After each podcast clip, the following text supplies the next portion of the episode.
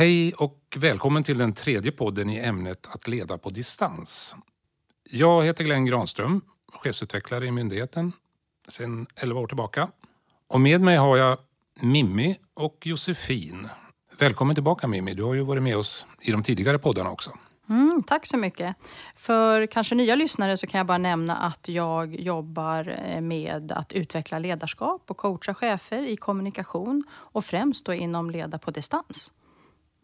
Mm. Varmt välkommen också till dig Josefin. Tack. Du är chef, enhetschef. Mm. Hur ser din organisation ut? Eh, jag är enhetschef på enheten gemensamma tjänster på personalavdelningen eh, med 19 medarbetare på sex orter där merparten då sitter på distans. Jag sitter själv i Stockholm eh, och jag har tio medarbetare på distans. Okej, okay, så då har du, du har ett antal på plats också så att säga? Ja, det har jag. Mm. Mm. Temat för den här podden är ju kommunikation och möten på distans. Jag läste någonstans att forskare kommit fram till att tre avgörande framgångsfaktorer för ledarskap på distans är tydliga riktlinjer, det vill säga för hur kommunikationen ska gå till, klara strukturer och tillförlitlig teknik som är enkel att använda. Håller du med om det Mimmi? Ja, det gör jag verkligen. Och jag tänker framför allt på det här med riktlinjer för kommunikation. Att jag som medarbetare eller teamet måste ju känna att det är viktigt att delta och det är intressant att vara med på de här mötena.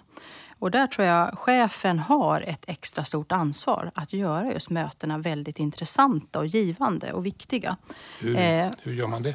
Jag tror att du behöver ha en väldigt tydlig agenda, tydliga syften. Eh, du behöver involvera medarbetarna i att skapa den här strukturen. Jag tänker forskaren sa att det var viktigt med klara strukturer. Och det bästa som jag har sett resultat på det är när man involverar medarbetarna att prata kring hur ska vi skapa tydliga strukturer tillsammans. Då får man också medarbetarnas syn, vad som är viktigt för dem. Eh, så det tror jag är viktigt. Och sen tänker jag också att det är viktigt att träna på lite tekniken.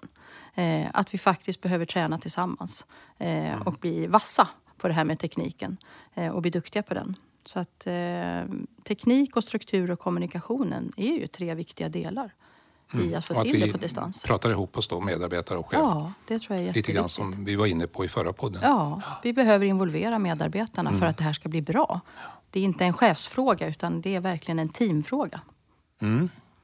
Du Josefin, vad har du för erfarenheter av de här Ja, jag håller med. Eh, att involvera medarbetarna i hur strukturen ska vara. Vi har jobbat mycket med det. Att, att både i samverkan och på APT eh, titta på mötesfrekvens och struktur för möten.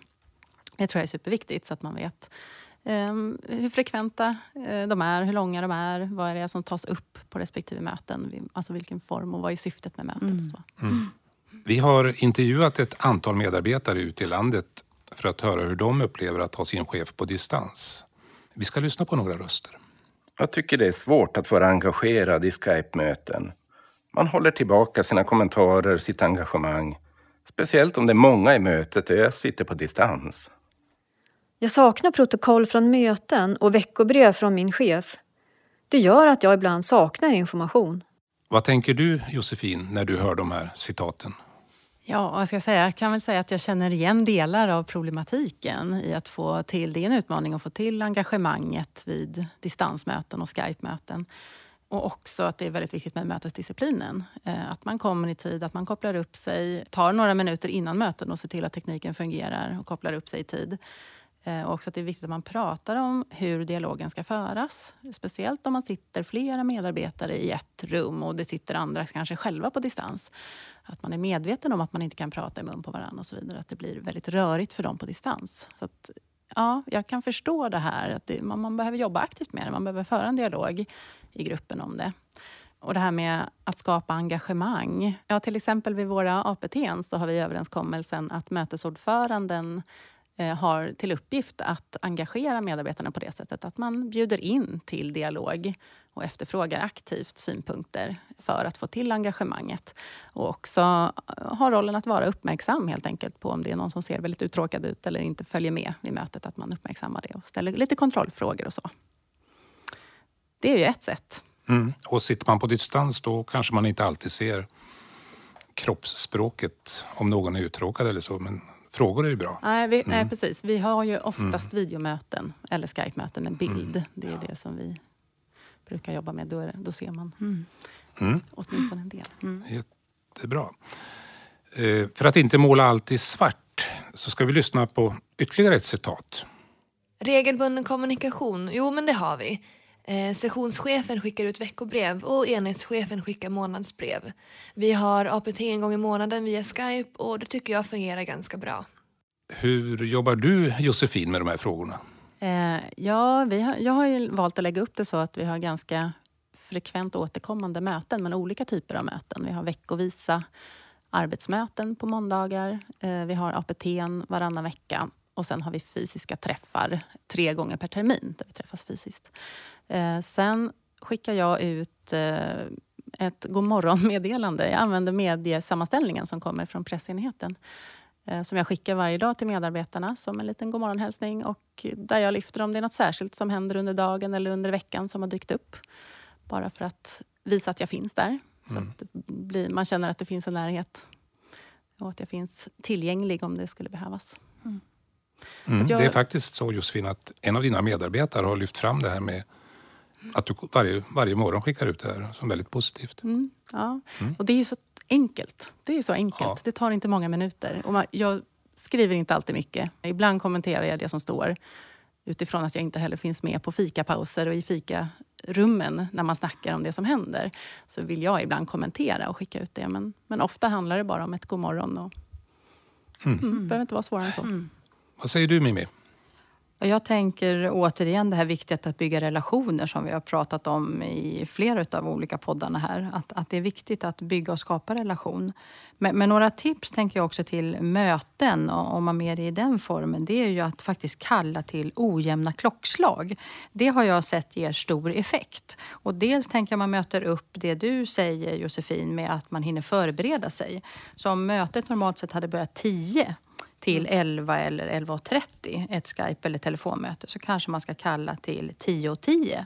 Då har man dels 10 minuter att förbereda sig själv eh, och eh, logga på och få lite ordning på tekniken. Och samtidigt så ett ojämnt klockslag ökar attraktionskraften att vara i tid. Det vet faktiskt forskningen, att när det är så så blir man lite mer angelägen att vara i tid. Så det är ett sånt här konkret tips. Det låter klokt. Eh, Mm. sen och då, då, kan, ursäkta, men Ja. då kan man ju också, då får man den här lilla stunden att förbereda sig. också. Precis, man får den lite Ja. med automatik där. Om man är lite schysst mot sig själv och blockar i sin agenda för Ja. det så man inte slukas upp av ett annat möte som slutar tio över tio då. Eh, ett annat tips är faktiskt att inte ha för långa möten. Och har man bra struktur på sina distansmöten så brukar man säga att någonstans mellan 60 och 90 minuter, det är så länge vi orkar hålla hög energinivå och vara aktiva. När det tar längre tid så är det ganska svårt.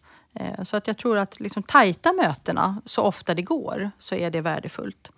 Vad säger du om att ta paus då i mitten? För vi brukar ju ha APT som är två timmar Mm. och, och ta en paus Mm. emellan. Då tycker jag att det är jätteklokt. Alltså har man lite längre möten så brukar det vara väldigt värdefullt att ta en paus.